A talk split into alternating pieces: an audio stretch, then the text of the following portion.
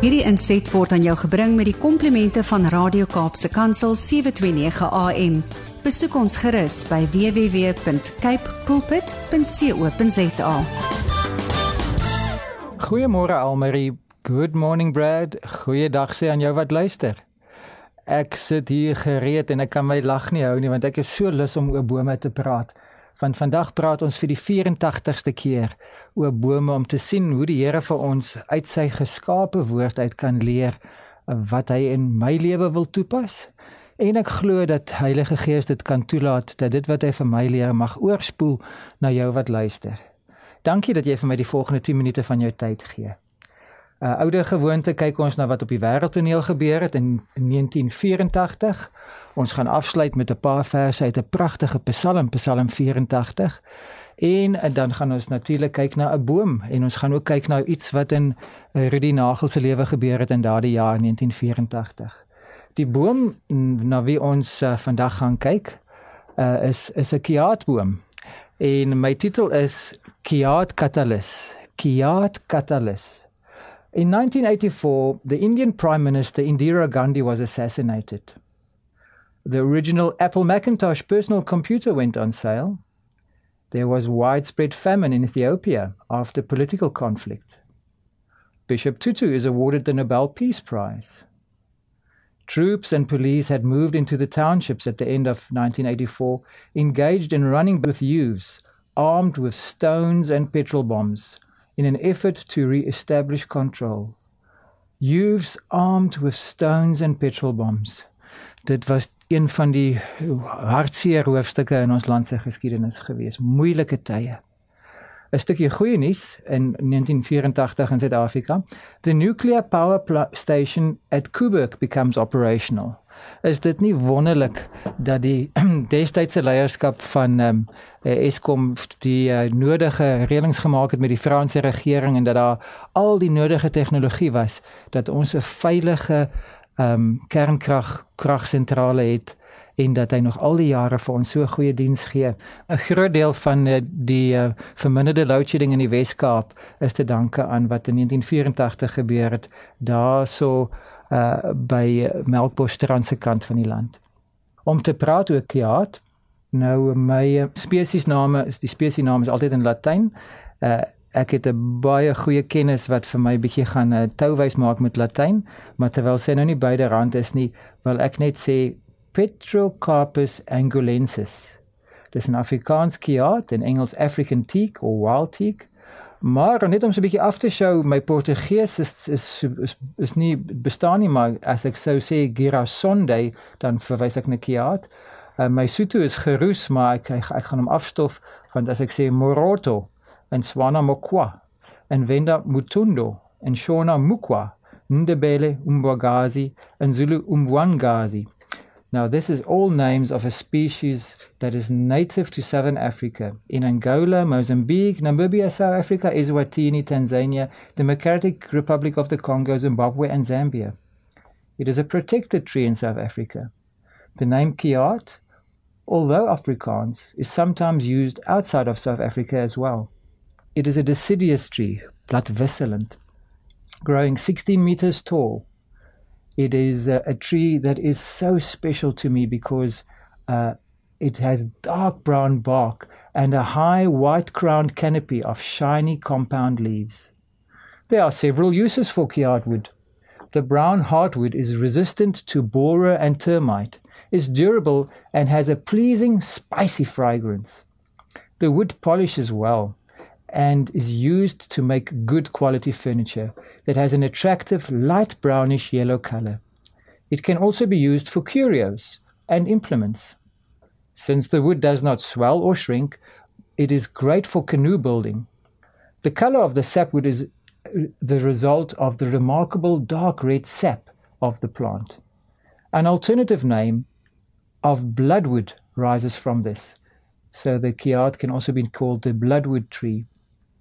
This wood also produces a rich, resonant sound and can be made into many different musical instruments.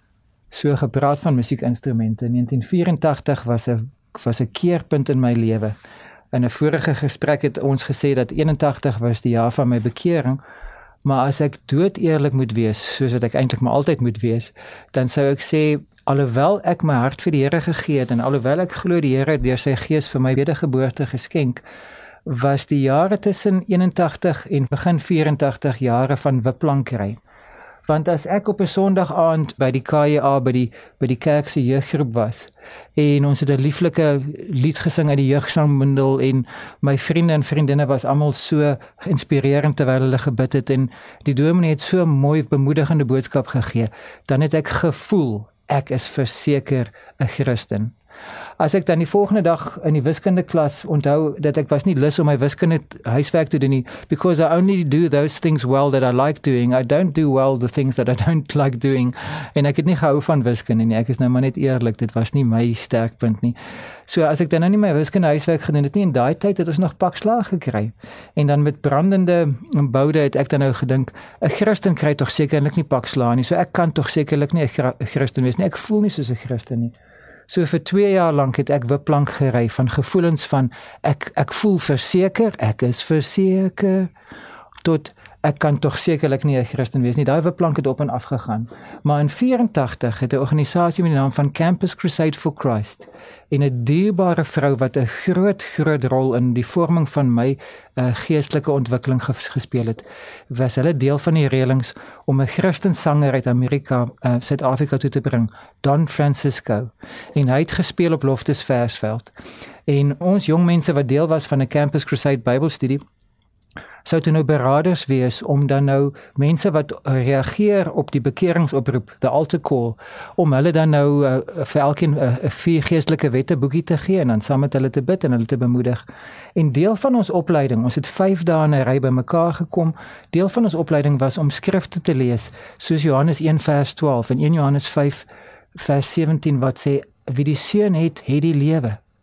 En die feit dat ek daardie skrifte 5 dae in 'n ry hardop gelees het, intentioneel gelees het, met oortuiging gelees het en toe later aan met geloof gelees het, was 'n katalis gewees. Want ek het eintlik al die geestelike realiteit gehad van bekering, maar ek het dit gebaseer op gevoelens. In feelings come and feelings go. Feelings are so deceiving. I'll place my faith in the word of God because nothing else is worth believing. 'n aanhaling uit 'n song van Greg X Waltz van die 80er jare. En uh, die katalis wat ek nodig gehad het is om my geloof eerder te plaas in die woord van God eerder as in my gevoelens. Don Francisco het gesing, hy het ons geïnspireer, hy het ons geseën. Daar was 'n bekeringsoproep. Uh honderde mense het gereageer op die altekol, maar ek was daardie dag die vrug van Heilige Gees se werk. Ek het nie ander mense beraad nie. Ek het net in sekerheid geweet Rudy het die seun, so Rudy die lewe. En feelings came and feelings went vir die jare sedert 1984, maar ek weet verseker, ek is 'n kind van God.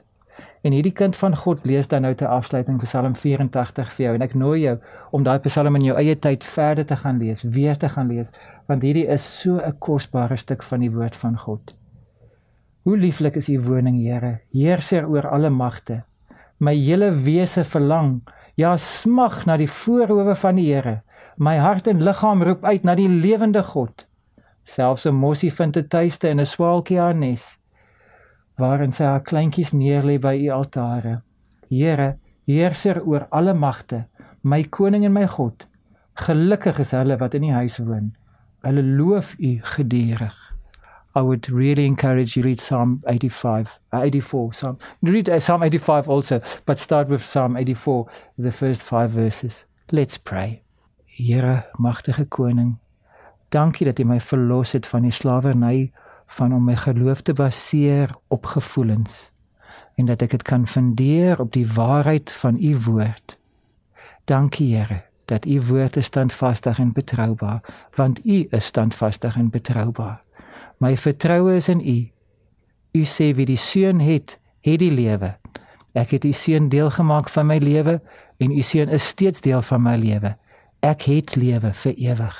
Dankie koning Jesus. Amen. Hierdie inset was aan jou gebring met die komplimente van Radio Kaapse Kansel 729 AM. Besoek ons gerus by www.cape pulpit.co.za.